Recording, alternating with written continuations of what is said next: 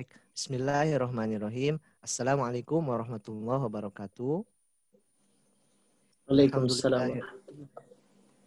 Alhamdulillahirabbil alamin. Segala puji bagi Allah, Tuhan semesta alam yang di dalam tangannya dunia digenggam, yang di dalam kuasanya matahari terbit dan tenggelam sesuai yang Allah kehendakkan. Sehingga Allah jadikan siang sebagai pencaharian rezeki dan malam sebagai pakaian kita. Dialah zat Allah yang maha mencipta dengannya adik-adik yang ganteng dan cantik ini diciptakan. Masya Allah. Maka sungguh nggak ada celah bagi Allah ya nak ya. Nggak ada celah bagi Allah apalagi sampai mengatakan bahwa Allah itu memiliki anak. Wa Sungguhnya itu adalah uh, kekejian dan kebodohan ya. Karena Allah Subhanahu wa taala kan berfirman ya di dalam surat Al-Ikhlas. Bismillahirrahmanirrahim. Qul huwallahu ahad. Katakanlah dialah Allah yang Maha Esa. Allahus Samad. Allah adalah Tuhan yang bergantung kepadanya. Semuanya ya, termasuk manusia, binatang, tumbuhan ya. Lam yalid walam yulad. Nah, ini yang penting. Lam yalid walam yulad. Allah itu tidak beranak, apalagi diperanakan lam yalid walam yulad walam yakul lahu kufuan ahad dan tidak ada seorang pun yang setara dengan dia. Asyhadu an la ilaha illallah wa asyhadu anna Muhammadan abduhu wa rasuluh. Semoga solawat dan salam tercurah kepada junjungan kita, idola kita, panutan kita semuanya. Nabiullah wa Rasulullah Muhammad alaihi salatu wassalam. Serta kepada seluruh istrinya, kepada anak dan keturunannya, kepada para sahabat, para tabi'at tabi'in, pada ulama dan pada para asatiz hingga akhir zaman kelak. Amin ya rabbal alamin. Adik-adik yang dicintai oleh Allah Subhanahu wa taala, apa kabarnya hari ini semuanya? Coba. Apa kabarnya semuanya nih? Masya Allah. Alhamdulillah. Allahu Akbar. Masya Allah. Alhamdulillah. Kakak senang deh dengarnya kalau uh, suara-suara adik-adik yang semuanya. Alhamdulillah. Semoga Allah Ta'ala selalu melindungi dan memberkahi baik, Kak. Eh, keseharian adik-adik ya, termasuk Umi dan Abah dan keluarga adik-adik di Indonesia. Amin. Kembali lagi bersama kami uh, dalam kajian, ah, dalam pengajian At-Taqwa Yokohama, dalam kajian lanjutan kisah eh, uh, 10 sahabat yang dijamin masuk surga. Pada kesempatan hari ini, insya Allah akan dilanjutkan dengan kisah dari sahabat yaitu Tolhah bin Ubaidillah radhiyallahu Mohon maaf. Pada kesempatan yang lalu, Kak Erlan kan udah menjelaskan nih empat sahabat yang dijamin masuk surga. Ada yang masih ingat nggak siapa aja? Coba angkat tangan, ayo satu-satu. Ada yang tahu nggak? Gak ada. Ya, silakan. Yang angkat tangan ayo. Ayo. Siapa? Ya, boleh. Coba.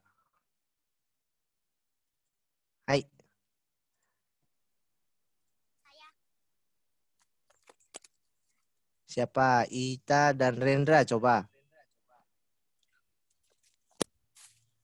Ayo. Ada yang siapa? Umar radhiyallahu an.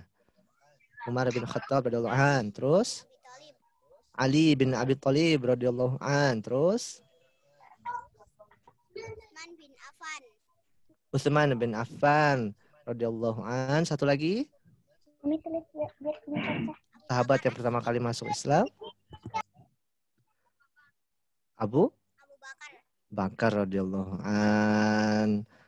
Alhamdulillah ya. Jadi ini sebagai pengingat lagi ya buat kakak termasuk buat kakak sendiri dan buat adik-adik ya bahwa uh, ada hadis dari Abdurrahman bin Auf dia berkata bahwa Rasulullah Shallallahu Alaihi Wasallam bersabda Abu Bakar di surga, Umar di surga, uh, siapa lagi? Utsman di surga, Ali di surga, Tolhah di surga, Az-Zubair di surga, Abdurrahman bin Auf di surga, Sa'ad di surga, Sa'id di surga dan Abu Ubaidah ibnul Jarrah di surga.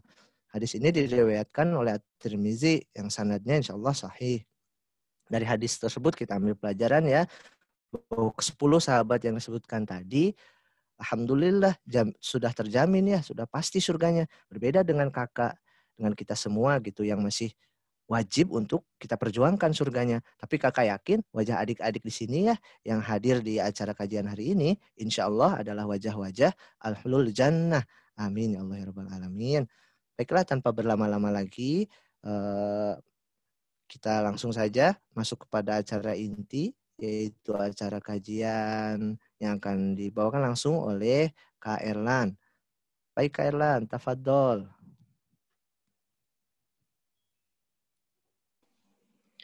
Baik adik-adik, eh, kita mulai ya. Kak Eran izin memute semua dulu dan mari kita mulai kajian kita adik-adik pada kesempatan sore hari ini. Sebelumnya Kak Eran mau tanya Kak Aga, apakah suara Kak Eran terdengar jelas?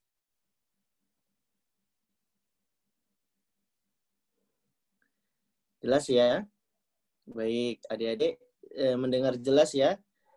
Jelas, Oke. jelas. Nanti kalau Nanti kalau suaranya putus-putus, langsung ketik aja di kolom chat ya.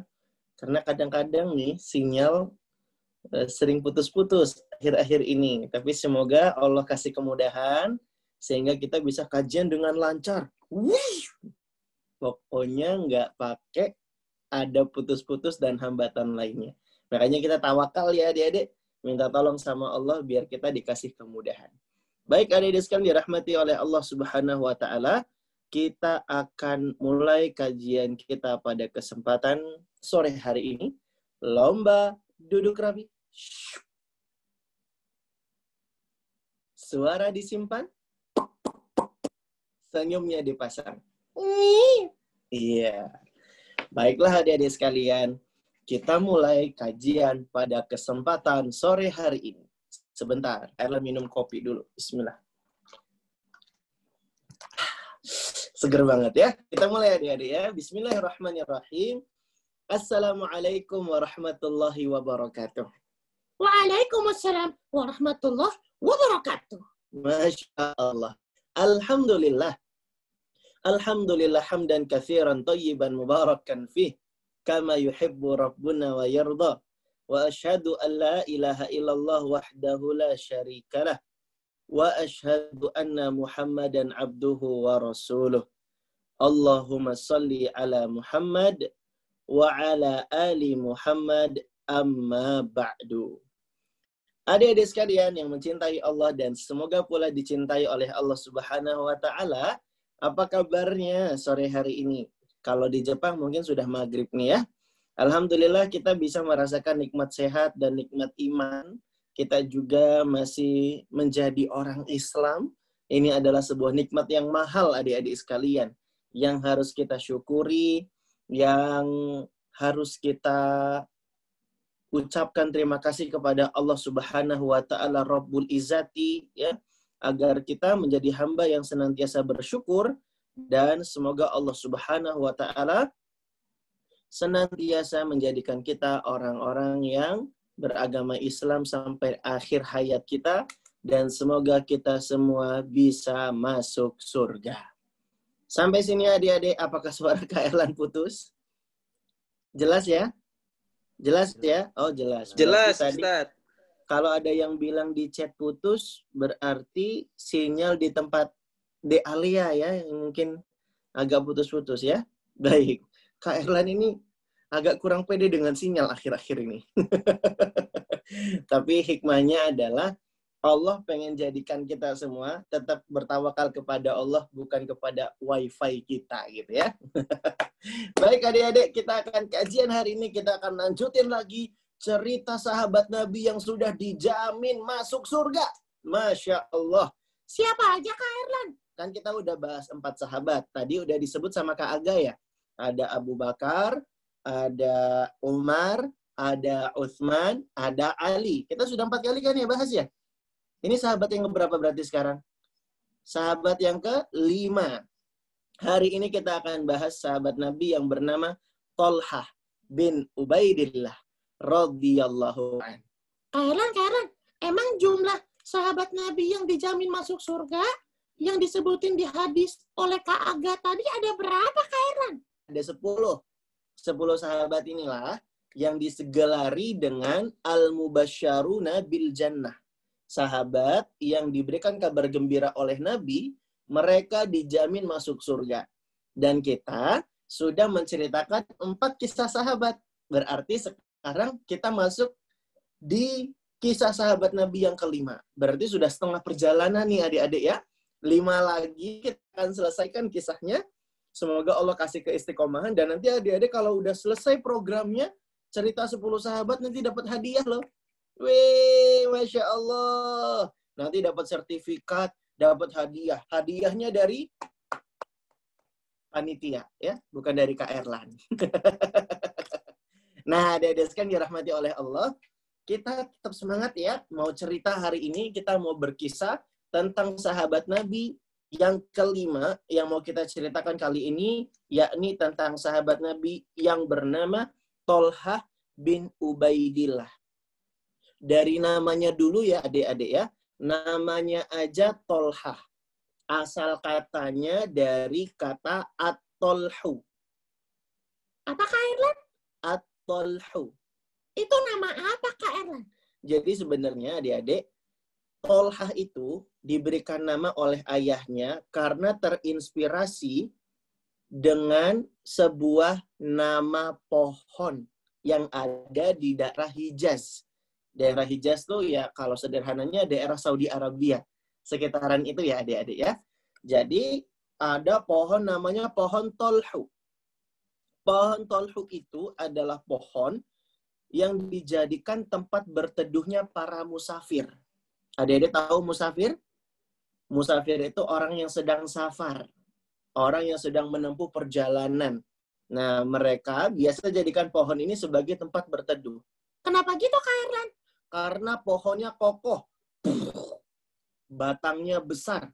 Eh, Kalau kita peluk, nggak cukup tangannya. Saking batang pohonnya besar.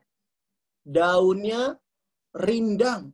Makanya kalau kita duduk di bawah pohon itu kerasa sejuk.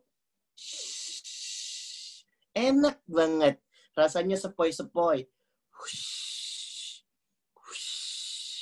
Sedep banget rasanya adik-adik. Jadi pohonnya itu besar, pohonnya kokoh, daunnya rindang, dan orang-orang banyak mengambil manfaat dari pohon ini dijadikan sebagai tempat berteduh. Sebentar adik-adik, Kak Erlan mau tanya lagi. Suaranya putus-putus enggak? Tidak, Kak Erlan. Ah. Enggak ya? Kok ada yang bilang putus ya? Wah, ini terjadi ikhtilaf. Beda pendapat di kalangan adik-adik. Mana pendapat yang rojih? Berarti lancar ya. Insya Allah sore IndiHome itu lancar kok ya. Karena ini awal bulan.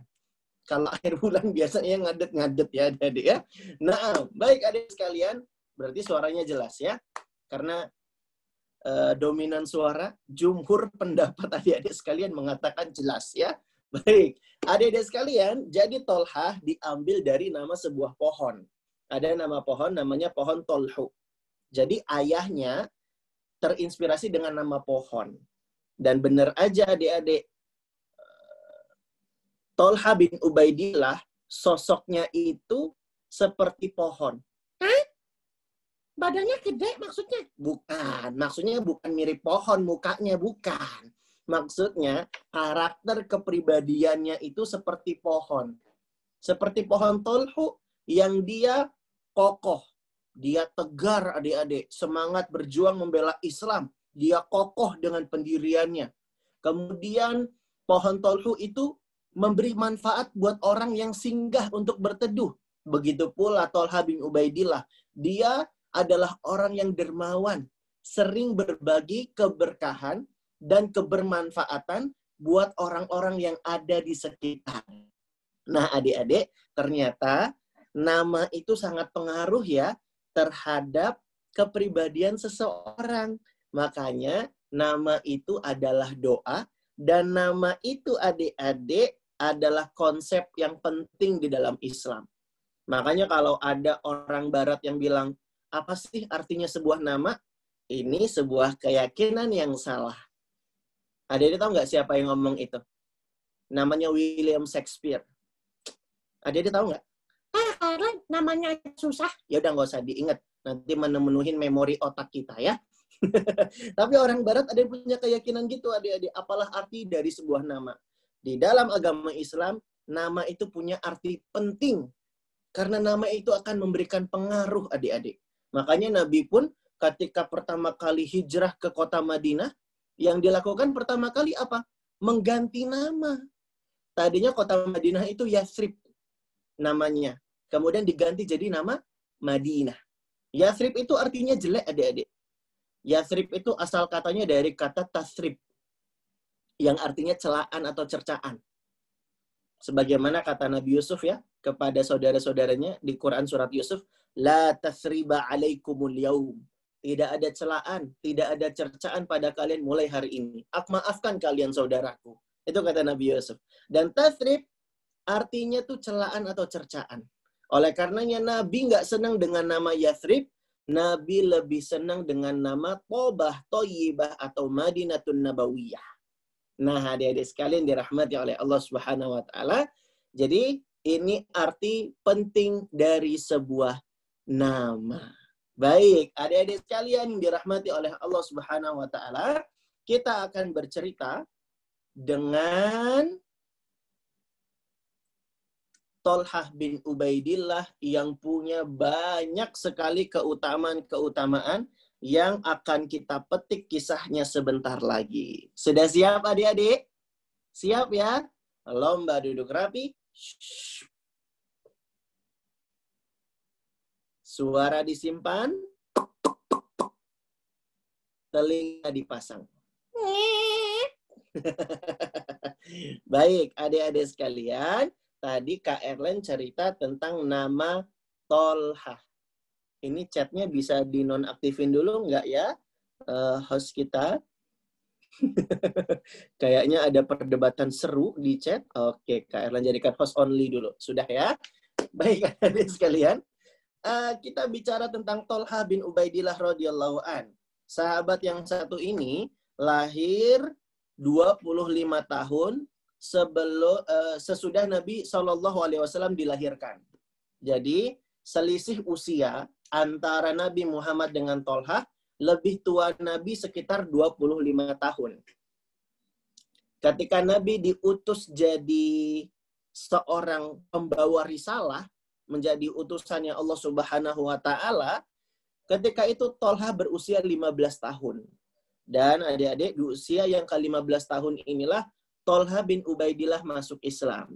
Dicatat, Tolha bin Ubaidillah masuk Islam di usia yang ke ke berapa coba? 17 apa 18? 15, Harlan. Iya, yang ke-15. Jadi usia 15 tahun Tolha bin Ubaidillah masuk Islam. Siapa yang ngajakin Kak Erlan? Ada ide tahu nggak siapa yang ngajakin Tolha bin Ubaidillah masuk Islam? Yang ngajakin Tolha masuk Islam adalah Abu Bakar As-Siddiq radhiyallahu an. Masya Allah adik-adik. Abu Bakar itu sahabat yang banyak banget ngajakin teman-temannya untuk masuk Islam. Banyak loh di antara 10 sahabat Nabi yang dijamin masuk surga, di antaranya itu sebagian besar Abu Bakar yang ngajakin masuk Islam. Tolha masuk Islamnya karena diajak Abu Bakar. Sa'ad bin Abi Waqqas yang ngajakin juga Abu Bakar. Siapa lagi? Zubair bin Awam yang ngajakin masuk Islamnya juga Abu Bakar. Jadi Abu Bakar itu Masya Allah ya adik-adik ya. Pahalanya banyak ngajakin orang-orang untuk masuk Islam. Nah adik-adik harus semangat juga ya berdakwah mengajak orang kembali pada Islam. Nah, adik-adik sekalian, Tolha bin Ubaidillah masuk Islam ketika usianya 15 tahun. Ya, bisa difahami adik-adik ya? Baik. Adik-adik sekalian dirahmati oleh Allah Subhanahu wa taala, Tolha bin Ubaidillah ini adalah sahabat Nabi yang istimewa. Istimewa kenapa Kak Erlan? Gara-gara pakai telurnya tiga. Emangnya martabak, martabak istimewa telurnya tiga. Hello, ini lagi nggak ngomongin martabak, makanan melulu. Sahabatnya istimewa karena punya banyak keutamaan yang luar biasa. Dan akan kita ceritakan satu persatu keutamaan-keutamaan yang ada dari sosok Tolha bin Ubaidillah radhiyallahu an. Adik-adik sekalian dirahmati oleh Allah. Yang pertama, Tolha bin Ubaidillah itu termasuk asabikunal awalun. Dicatat. Termasuk apa adik-adik? Asabikunal awalun. Apa Erlan? Awalun. Asabikunal awalun. Oh, ya, ya, ya, ya, ya, ya. Asabikunal awalun itu artinya orang-orang yang paling pertama masuk Islam. Tolha bin Ubaidillah adalah di antaranya. Dan ada-ada tahu nggak keutamaan orang yang paling pertama masuk Islam? Akan dapat surga dan Allah ridho terhadap mereka. Wasabikunal awalun muhajirin wal ansar. Orang-orang yang paling pertama masuk Islam dari kalangan muhajirin dan ansor. Lalu ada juga orang-orang yang mengikuti mereka dengan baik. Radiyallahu anhum wa radu'an. Allah ridho terhadap mereka, mereka pun ridho kepada Allah subhanahu wa ta'ala. Dan mereka dijanjikan akan mendapat surga. Masya Allah. Nah adik-adik, Talha bin Ubaidillah adalah termasuk sahabat yang dalam golongan as-sabiqunal awalun. Orang yang paling pertama masuk Islam. Itu keistimewaan pertama dari Tolha bin Ubaidillah. Keistimewaan yang kedua, Tolha bin Ubaidillah di, dikatakan oleh Nabi Shallallahu Alaihi Wasallam adalah orang yang mati syahid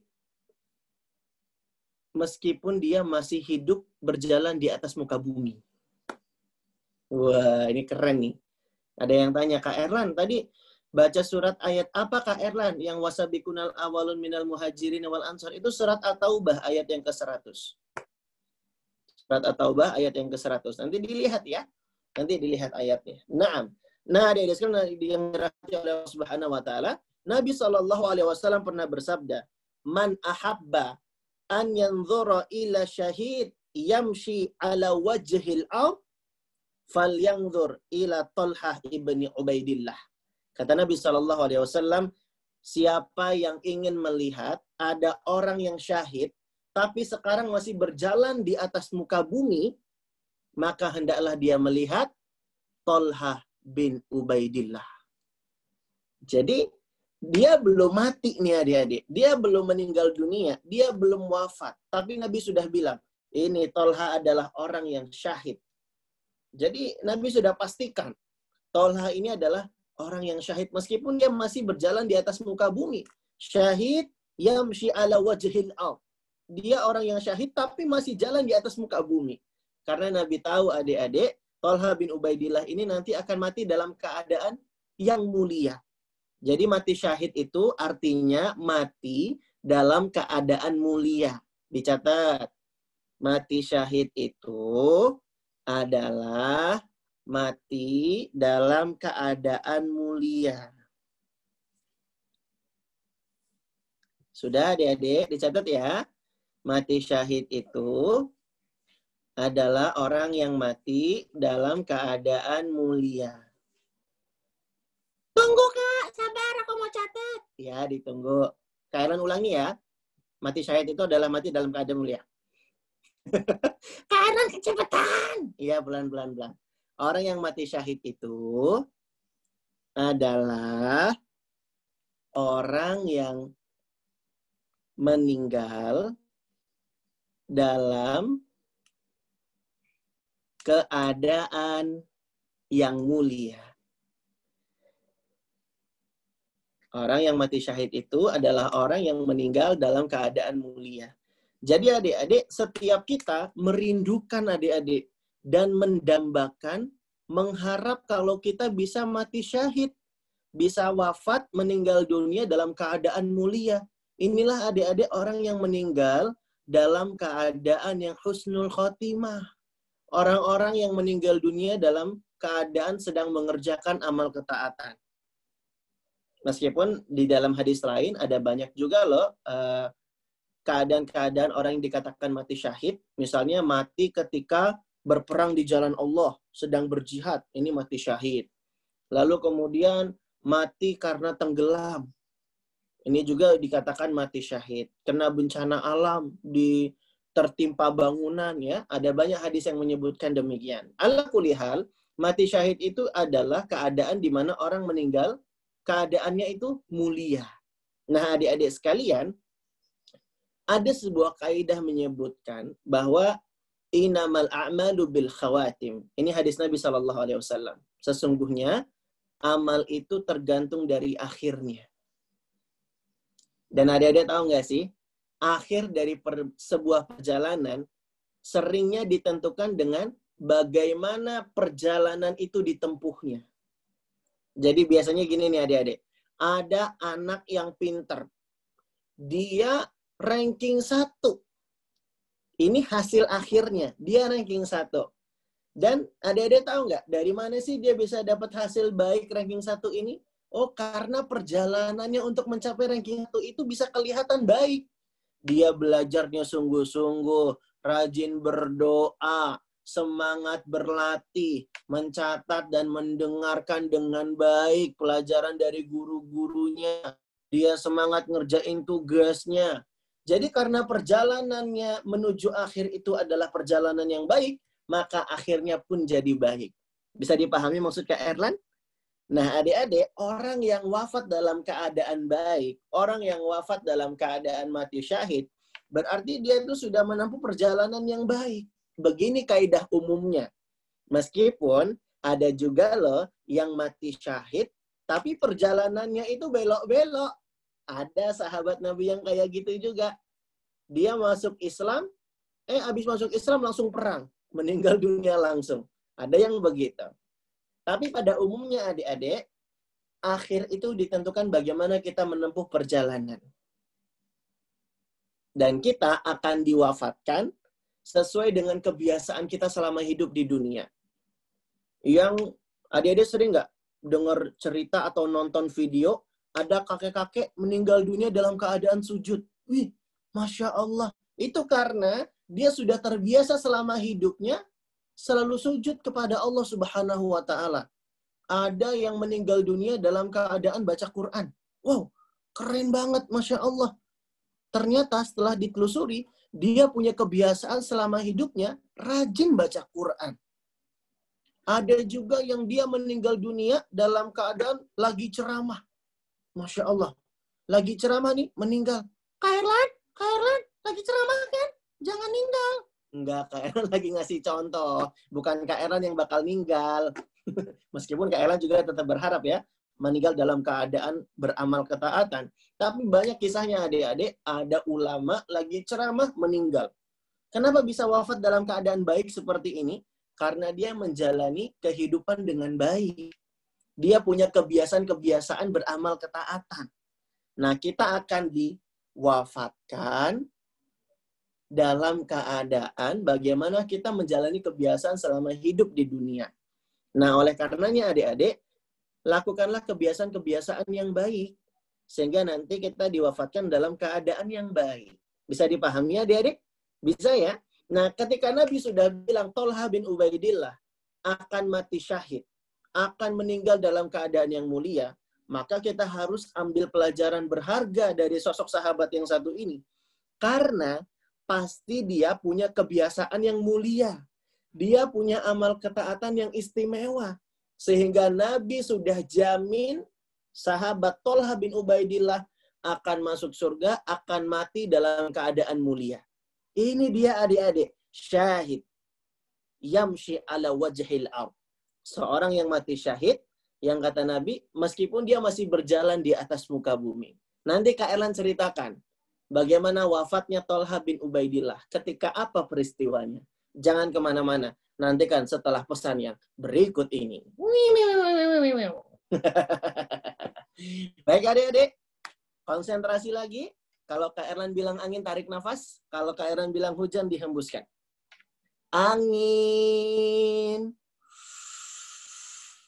hujan. Angin. hujan. Nah, adik-adik sekalian dirahmati oleh Allah, itu keutamaan yang kedua dari sosok Tolha bin Ubaidillah radhiyallahu an. Yang pertama tadi apa keutamaannya? Dia termasuk asabikunal awalun. Lihat surat At-Taubah ayat yang ke-100. Yang kedua, Tolha bin Ubaidillah sudah dikabarkan Nabi mati syahid. Padahal Tolha masih hidup berjalan di atas muka bumi. Makanya Nabi sebut syahid yamshi ala wajhil ard seorang yang nanti bakalan mati syahid padahal dia masih jalan di atas muka bumi. Dan kita masuk sekarang ke keistimewaan atau keutamaan yang ketiga dari sosok Tolha bin Ubaidillah. Sosok Tolha bin Ubaidillah itu adalah sosok sahabat yang disebut oleh Nabi, yang dimaksud oleh beliau di dalam surat Al-Ahzab ayat 23. Dicatat. Surat apa Kak Al-Ahzab. Ayat yang ke-23. Iya. Surat Al-Ahzab ayat yang ke-23. Allah Subhanahu wa taala berfirman, "Minal mu'minin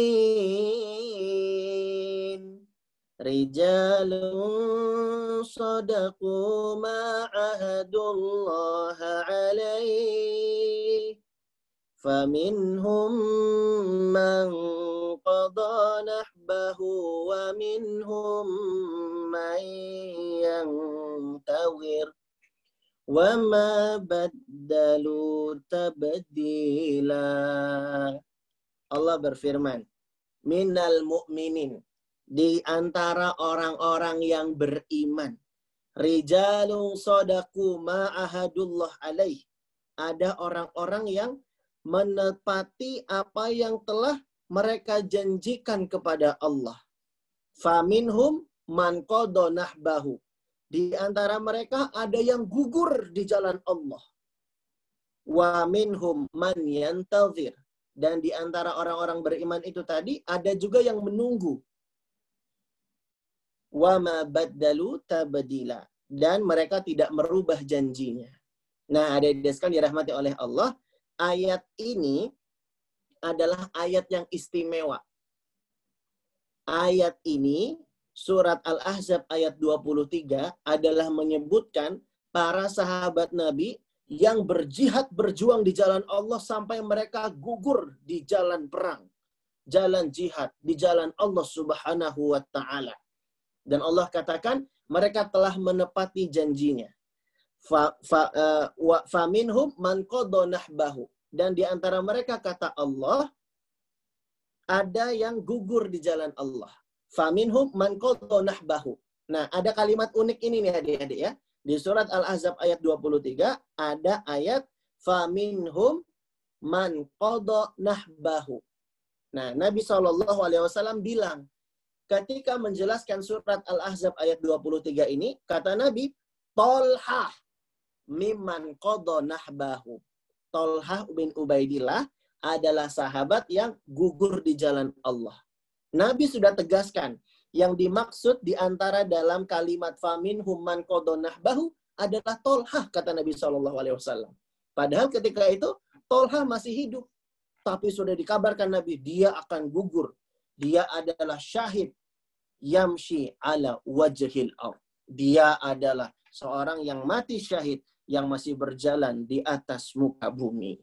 Adik-adik sekalian dirahmati oleh Allah Subhanahu wa taala, seneng nggak sih kita kalau misalnya lagi baca Al-Qur'an, ternyata yang Allah maksud yang dipuji dalam kebaikan adalah diri kita. Seneng nggak adik-adik kira-kira? Seneng banget apa yang dirasakan oleh Tolha bin Ubaidillah setelah dia tahu ternyata dia adalah orang yang disebut gugur di jalan Allah rijalun sodaku ma'ahadullah alaih. Seseorang yang menepati janjinya kepada Allah. Ini kalimat pujian bagi para sahabat adik-adik sekalian. Makanya Tolha adalah orang yang berbahagia. Karena dia sudah dikabarkan sebagai orang yang syahid. Orang yang gugur di jalan Allah subhanahu wa ta'ala. Dan Tolha memang pantas untuk mendapatkan itu adik-adik. Karena Tolha itu perjuangannya membela Islam pengorbanannya membela Nabi Shallallahu Alaihi Wasallam luar biasa. Wah, Kak Erlan saking semangat membara nih adik-adik ya. Kita kita masuk kepada keutamaan dan keistimewaan Tolha yang berikutnya. Keutamaan Tolha yang berikutnya adalah Tolha bin Ubaidillah itu sangat semangat membela Nabi Shallallahu Alaihi Wasallam. Dicatat, ada yang masih buka-buka Al-Quran, masih penasaran. Kak Erlan tadi baca Qurannya ayat berapa sih? Baik, adik-adik. Insya Allah nggak penasaran lagi ya. Kita hari ini udah sebut dua ayat ya adik-adik ya. Tadi surat At-Taubah ayat yang ke-100 sama surat Al-Ahzab ayat ke-23 ya. Nah, sekarang kita masuk dulu pada keutamaan dan keistimewaan Tolha yang berikutnya. Yang keberapa berarti sekarang? Yang pertama tadi berapa? Yang pertama tadi apa? Asabikunal awalun. Yang kedua? Mati syahid. Yang ketiga? Disebut di surat Al-Ahzab oleh Nabi ya. Yang dimaksud di surat Al-Ahzab ayat 23 itu adalah tolhah kata Nabi. Nabi sudah katakan dia akan gugur di jalan Allah. Dan yang keempat, keistimewaannya Tolha adalah dia adalah sahabat yang totalitas membela Nabi Shallallahu Alaihi Wasallam. Ditulis, Tolha adalah sahabat yang totalitas membela Nabi Muhammad Shallallahu Alaihi Wasallam.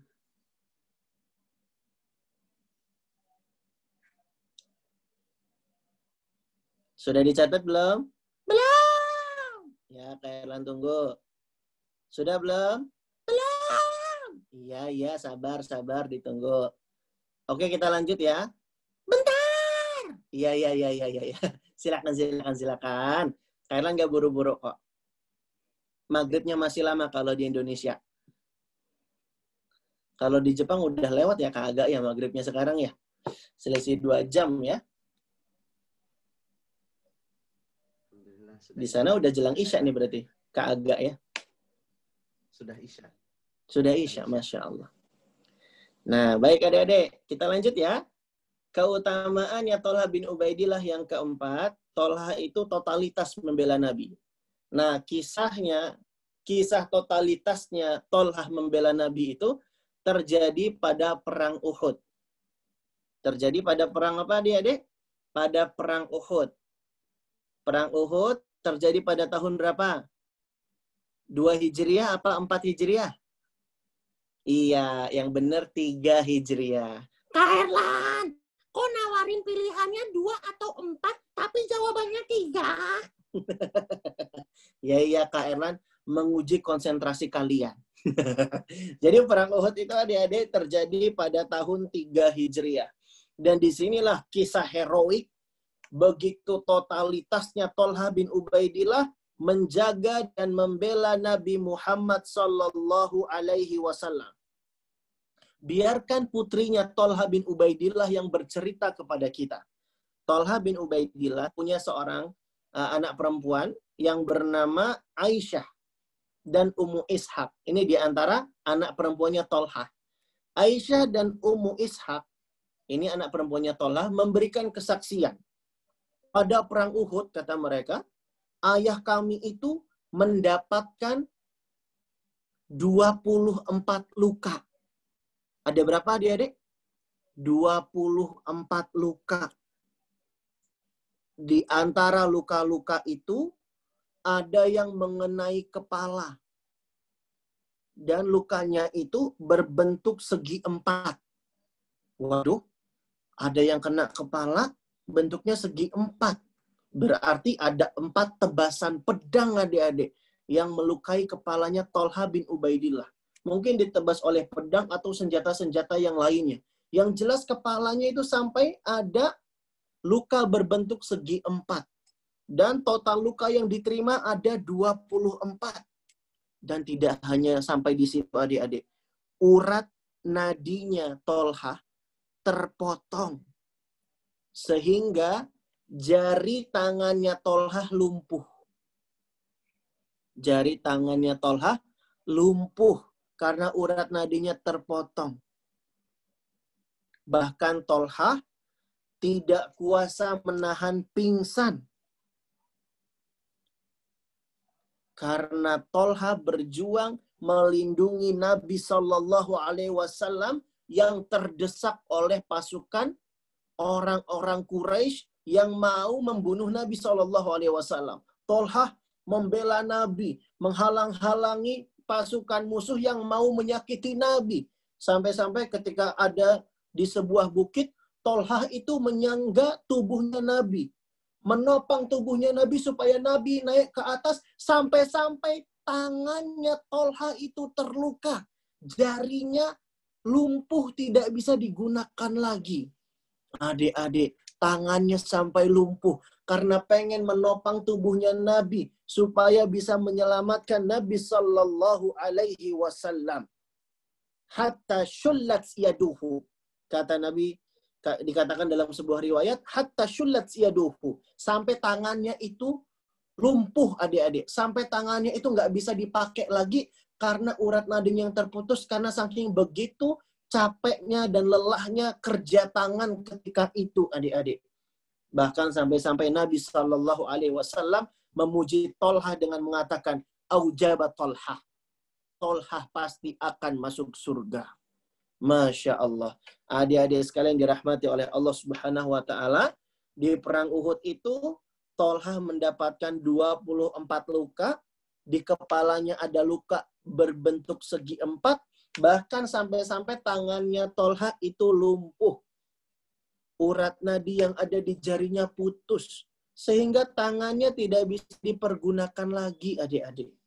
Ini perjuangannya Tolha dalam membela dan melindungi Nabi Muhammad sallallahu alaihi wasallam. Nah, adik-adik sekalian dirahmati oleh Allah, coba kita bandingkan dengan diri kita.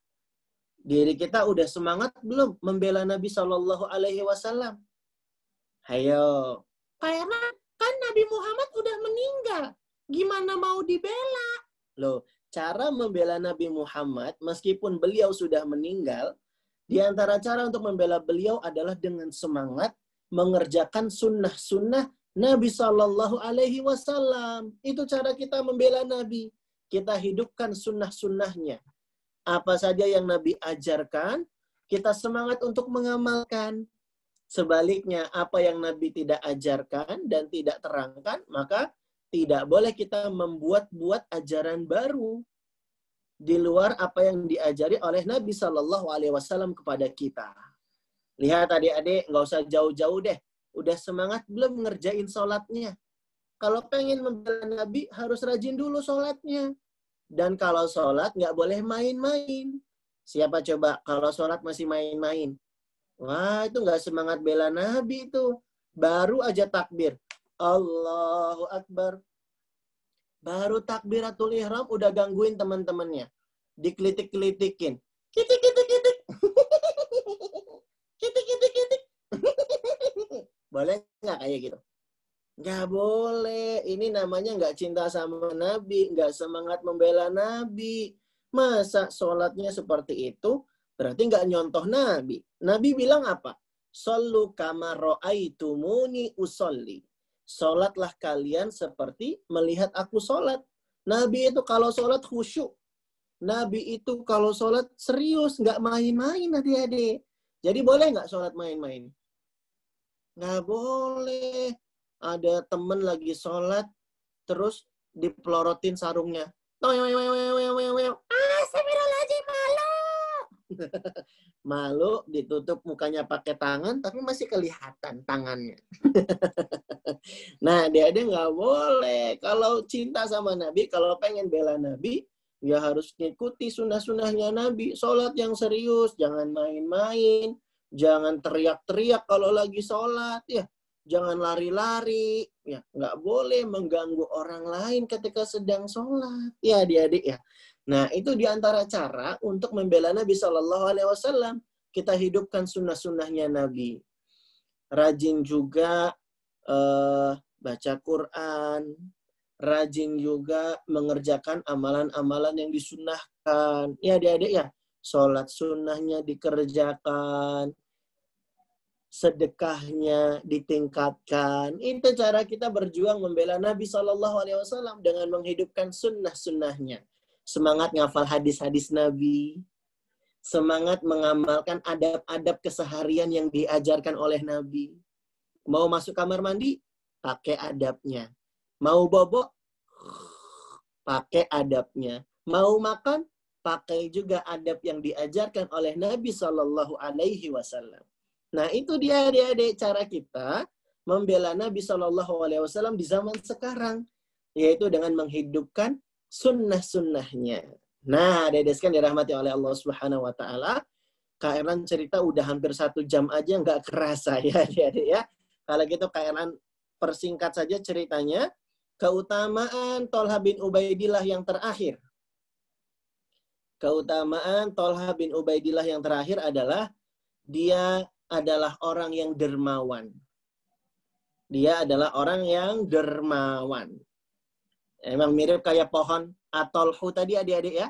Yang dia membagi kebermanfaatan buat orang-orang berteduh di bawahnya. Bahkan eh, daun-daun, ranting-ranting itu jadi makanan onta adik-adik. Jadi daunnya pun bermanfaat, Masya Allah. Jadi pohon atolhu itu nggak cuma manfaat buat manusia, buat onta dan hewan-hewan juga. Nah, itulah perumpamaan orang yang dermawan, adik-adik. Orang yang dermawan itu baik. Baiknya ke semua makhluk. Nggak cuma sama manusia, sama hewan-hewan juga. Dia punya kucing, dirawat kucingnya, dikasih makan. Ini bentuk dermawan juga loh adik-adik. Punya ikan dikasih makan. Punya apa lagi adik-adik? Punya hewan peliharaan dikasih makan. Gitu adik-adik ya iya. Nah jadilah dermawan sebagaimana dermawannya Tolha bin Ubaidillah radhiyallahu an. Tolha itu juga pintar berdagang loh adik-adik mungkin kita jarang tahu ya. Mungkin sahabat yang paling sering kita dengar kisahnya pintar berdagang adalah Abdurrahman bin Auf dan Utsman bin Affan. Paling itu saja. Padahal Tolha bin Ubaidillah ini juga orang yang kaya dan pintar berdagang juga dia dek. Tolah bin Ubaidillah itu pernah punya harta senilai 700 ribu dirham. Berapa dia dek? Diulang. 700 ribu dirham. Tolha bin Ubaidillah punya harta, pernah punya harta senilai 700 ribu dirham. Kalau satu dirhamnya itu 84 ribu rupiah, berarti 700 ribu dirham itu senilai dengan 58 miliar rupiah. Berapa dia, Dek? 58 miliar rupiah. Banyak gak adik-adik? Banyak banget. Itu kalau dibeliin tahu bulat, penuh rumah kita adik-adik ya sama bumbu-bumbunya. adik-adik 58 miliar itu banyak banget loh adik-adik ya. Masya Allah. Dan Talha bin Ubaidillah punya harta senilai 58 miliar. Dia pernah punya harta sebanyak itu. Tapi adik-adik, memang dasarnya orang yang beriman malah nggak pengen eh, terlalu lama pegang harta. Malam harinya dia gelisah bersama istrinya adik-adik. Istrinya Tolha bin Ubaidillah namanya Ummu Kulsum. Ummu Kulsum, istrinya Tolha dan juga Tolha di malam harinya tuh gelisah. Aduh, kok harta kita setelah dihitung-hitung sebanyak ini ya? Akhirnya mereka bermusyawarah, udah deh kita bagi-bagi aja harta ini. Akhirnya besok paginya adik-adik 58 miliar itu dibagi-bagi ke banyak orang. Tuh, hebat ya. Hebat ya adik-adik ya. Biasanya orang kalau mau kasih uang, mau bagi-bagi uang, berat nggak adik-adik hatinya? Berat ya, karena orang itu memang pada dasarnya tabiatnya itu suka sama uang, suka sama harta. Makanya Allah bilang di Al-Quran apa? Innahu lihubbil khairi lasyadid. Manusia itu kalau sama harta, cintanya itu berlebihan. Makanya banyak manusia-manusia yang pelit adik-adik. Itulah sebabnya kenapa kalau ada orang yang dermawan, kalau ada orang yang gemar bersedekah, Ini adalah orang yang menunjukkan tanda-tanda keimanan. Makanya Nabi bilang wasodaqatu burhanun. Sedekah itu adalah bukti keimanan. Karena dia lebih memilih Allah, lebih memilih Islam daripada harta yang jadi tabiat kita. Kita pasti suka sama harta. Tapi dia rela bagi-bagi untuk sedekah. Dia rela untuk berbagi pada sesama. Nih adik-adik, bukan cuma seribu, dua ribu, 58 miliar dibagi-bagi buat orang di sekitar. Masya Allah. Ini luar biasa adik-adik. Karena aku belum punya harta sebanyak itu. Gimana dong? Ya, fattakullaha mastata'tum. Bertakwa semampu kita. Kita mampunya gimana? Mau sedekah. Ya, berdasarkan apa yang kita punya aja. Misalnya nih, adik-adik punya dua makanan untuk dibawa sebagai jajan ketika berangkat ke sekolah sebagai bekal. Bawa jajanan dua. Ya udah satu kita makan, satu kita bagi-bagi ke temen. Kita lihat nih siapa ya teman-teman yang kira-kira nggak bawa bekal, terus kelihatan lapar mukanya. Kan kalau lapar kelihatan ya adik-adik ya. Hmm, ngences-ngences gitu kan. terus ngasih-ngasih kode. Hmm, enak nih, enak nih. Nah, kita peka adik-adik, kita harus peduli pada sesama, kita bawain dia, kita kasih dia. Nah gitu adik-adik, sedekah dari apa yang kita bisa. Jajanan dibagi. Punya mainan nggak di rumah? Sering direbut sama adik atau kakaknya nggak? Minjemin mainan kepada adik dan kakak itu juga sedekah. Latihan berbagi. Awalnya mungkin berat ya. Ih, adekku tuh ngambil mainan aku terus sebel sebel sebel sebel sebel. Kayaknya suara Kak Erlan putus nih.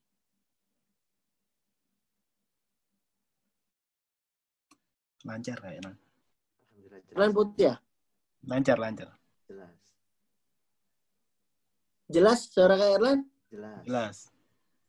Alhamdulillah. Soalnya tadi sempat nge-freeze kayaknya. nah, jadi adik-adik berbagi sama adik atau kakak, berbagi sama teman-teman kita. Nah, itu adalah latihan kita supaya bisa jadi orang yang dermawan. Ya, adik-adik ya. Lihat ada orang yang susah di jalan, minta uang, terus kita bagi ke mereka. Nah, adik-adik sekalian, itu Ubaidillah. Bahkan adik-adik dia itu juga sampai-sampai menjamin kelangsungan hidup keluarga-keluarganya yang ada di Bani Taim. Jadi Tolha bin Ubaidillah itu kan ini ya, berasal dari Bani Taim. Nah, orang-orang yang ada di Bani Taim itu kelangsungan hidupnya dijamin sama Tolha bin Ubaidillah. Yang punya utang dilunasin. Yang butuh harta untuk nikah, dikasih harta, dinikahin Terus yang punya kebutuhan dan keperluan dibantu sama Tolha.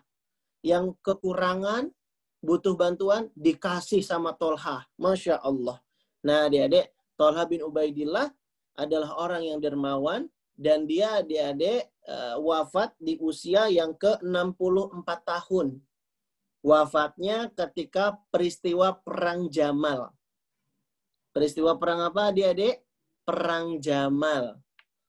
Tolha bin Ubaidillah meninggal pada peristiwa perang Jamal dan dia mati syahid ya dan dia mati syahid pada perang Jamal.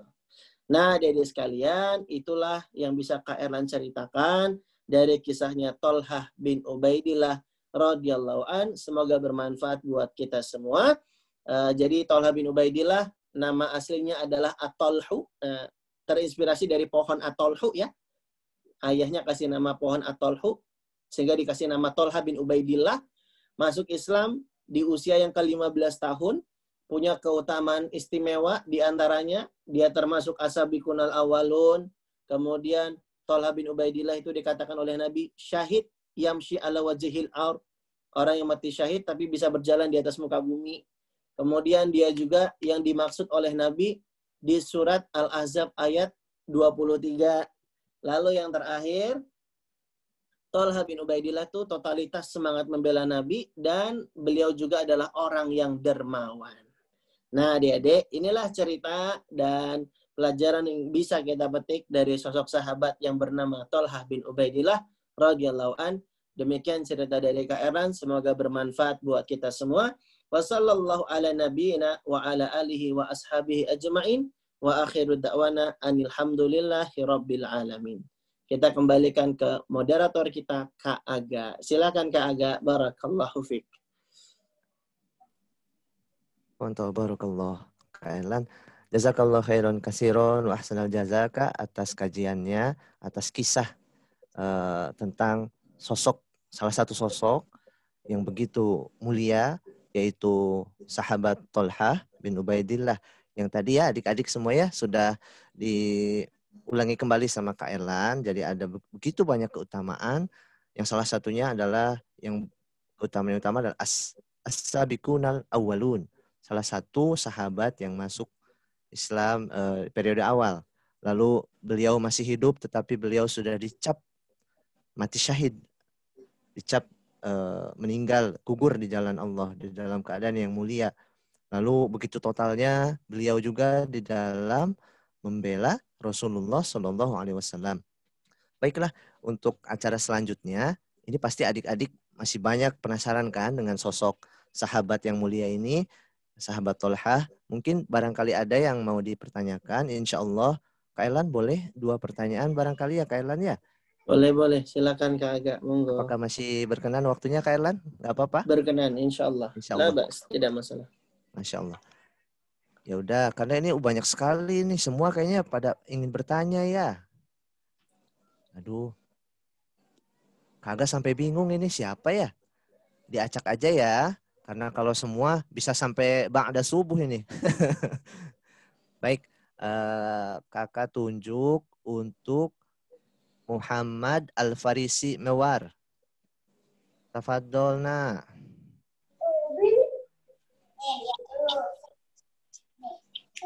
Halo. Halo. Assalamualaikum. Waalaikumsalam warahmatullahi Silakan, Nak. Iya, ini lagi. Halo. Halo. Kak. Ada yang mau ditanyakan? Ada. Ya, silahkan. Lan. Ya. Uh, Tolha itu mati mati di bulan apa? Eh, di tahun apa? Ya. Tolha bin Ubaidillah uh, wafatnya pada perang Jamal Perang Jamal itu terjadi pada tahun 36 Hijriah. Wafatnya pada tahun 36 Hijriah. Ya, tidak berlangsung lama setelah wafatnya Utsman bin Affan. Karena perang Jamal itu eh, cikal bakalnya itu sebenarnya tidak dikehendaki peperangan oleh para sahabat, tapi gara-gara ada banyak pemberontak-pemberontak yang manas-manasin suasana. Akhirnya terjadilah perang Jamal itu. Kenapa dinamakan perang Jamal? Karena Jamal itu artinya onta. Bunda Aisyah itu ketika itu di atas onta. Nah, dan adik-adik sekalian, memang ketika wafatnya Utsman, lalu kan kemudian yang dibaiat jadi pemimpin adalah Ali bin Abi Thalib. Nah, Ali bin Abi Thalib itu dapat tuntutan. Dapat tuntutan oleh sebagian para sahabat, di antaranya Muawiyah, Tolha bin Ubaidillah, dan Bunda Aisyah untuk ini ya, untuk mengusut terlebih dahulu siapa pembunuhnya Utsman. Karena pembunuhnya Utsman ini belum diketahui ketika itu adik-adik. Jadi uh, Ali bin Abi Thalib punya istihad lain. Beliau uh, lebih memilih untuk uh, menggarap yang lebih penting dan lebih prioritas dari itu. Nah, jadi ada ada semacam perbedaan pandangan. Ya, akan tetapi kemudian ya, qadarullah wa masyafa'al ada pemberontak yang memanas-manasi adik-adik sehingga terjadilah perang yang tidak diinginkan itu. Nah, Tolha itu sudah mencegah, jangan perang kita saudara, jangan perang, jangan perang, jangan perang. Eh malah kemudian di situ dia dibunuh ya dan dia wafat sebagai seorang yang syahid di jalan Allah Subhanahu wa taala. Nah, itu jawabannya ya. Gitu Kak Aga. Sudah jelas ya. Ini pertanyaan kedua ya Kak Erlan ya. Iya. Karena tadi dari ikhwan, sekarang dari akhwat ya. Boleh ya Kak Ya. Yara? Silakan silakan. Coba Kak Aga pengen dengar suaranya. Fatia Fawaz Cilengsi. Tafadolna. Halo Fatia, Assalamualaikum. Waalaikumsalam warahmatullahi wabarakatuh. Silahkan.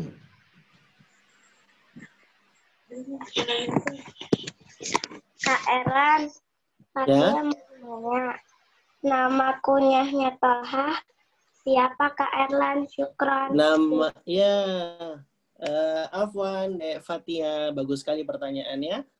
Jadi kan kita itu dalam istilah nama di dalam ilmu bahasa Arab itu ada tiga ya adik-adik ya. Ismun Karim, nama asli.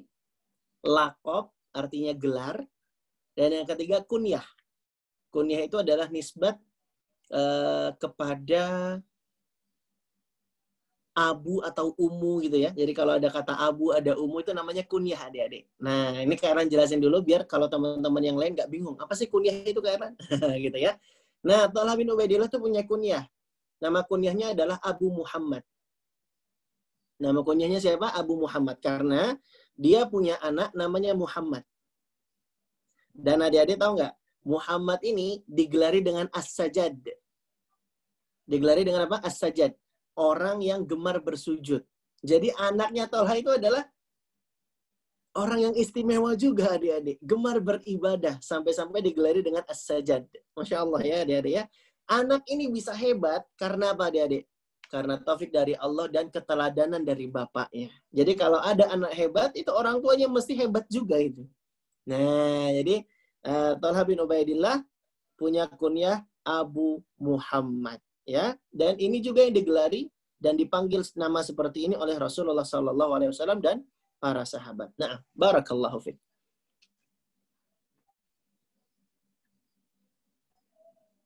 Pertanyaan yang bagus sekali ya Kak Erlan ya. Iya. Baik, untuk pertanyaan mungkin cukup saja ya. E, dicukupkan untuk dua penanya saja. Berikutnya, nah ini ada kuis nih, ada pertanyaan. Pertanyaannya dari Kak Erlan untuk adik-adik semuanya. Tadi yang sudah semangat mencatat, semangat mendengarkan, dihafalkan. Nah, sekarang ada pertanyaan dari Kak Erlan ya, insya Allah ya. Untuk kuisnya, insya Allah saya serahkan saja langsung kepada Kak Erlan ya Kak ya. Dipilih adik-adik terca- tercantik dan tergantengnya, Masya Allah. Baik. Fadol, Kak Erlan.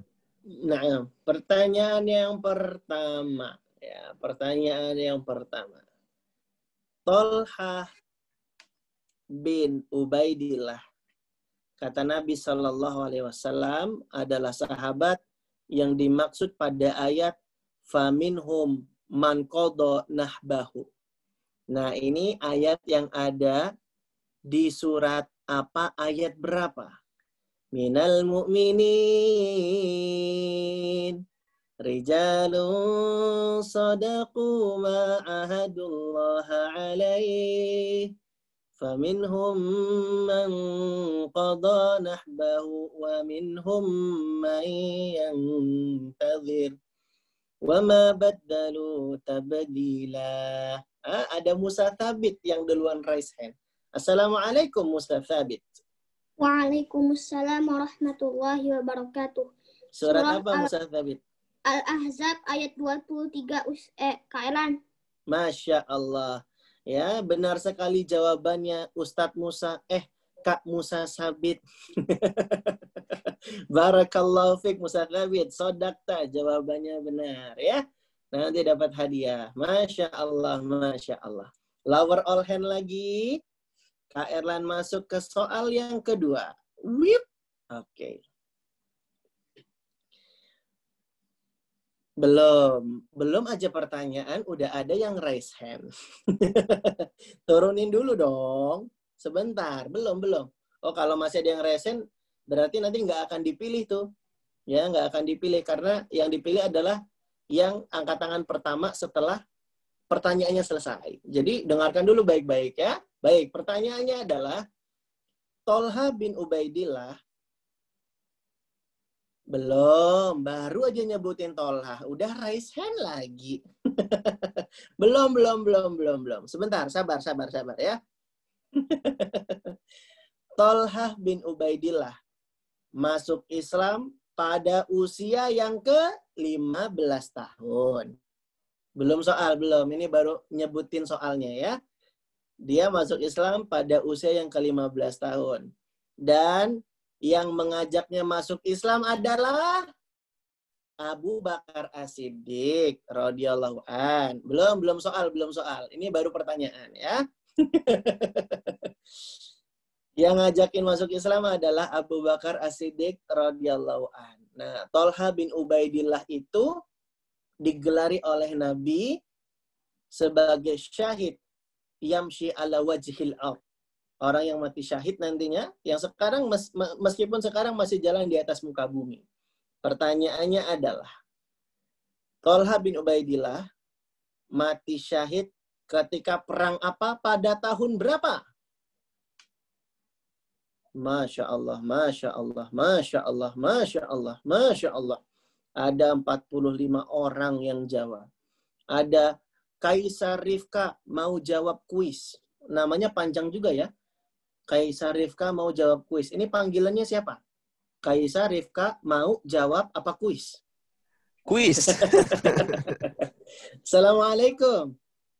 Waalaikumsalam. Namanya siapa? Kaisa. Bukan mau jawab kuis. Kaisa, Tolha bin Ubaidillah wafatnya pada perang apa? Jamal. Pada perang Jamal. Tahun berapa perang Jamalnya? Hmm, tiga Hijriah. 36, 36. Tahun berapa?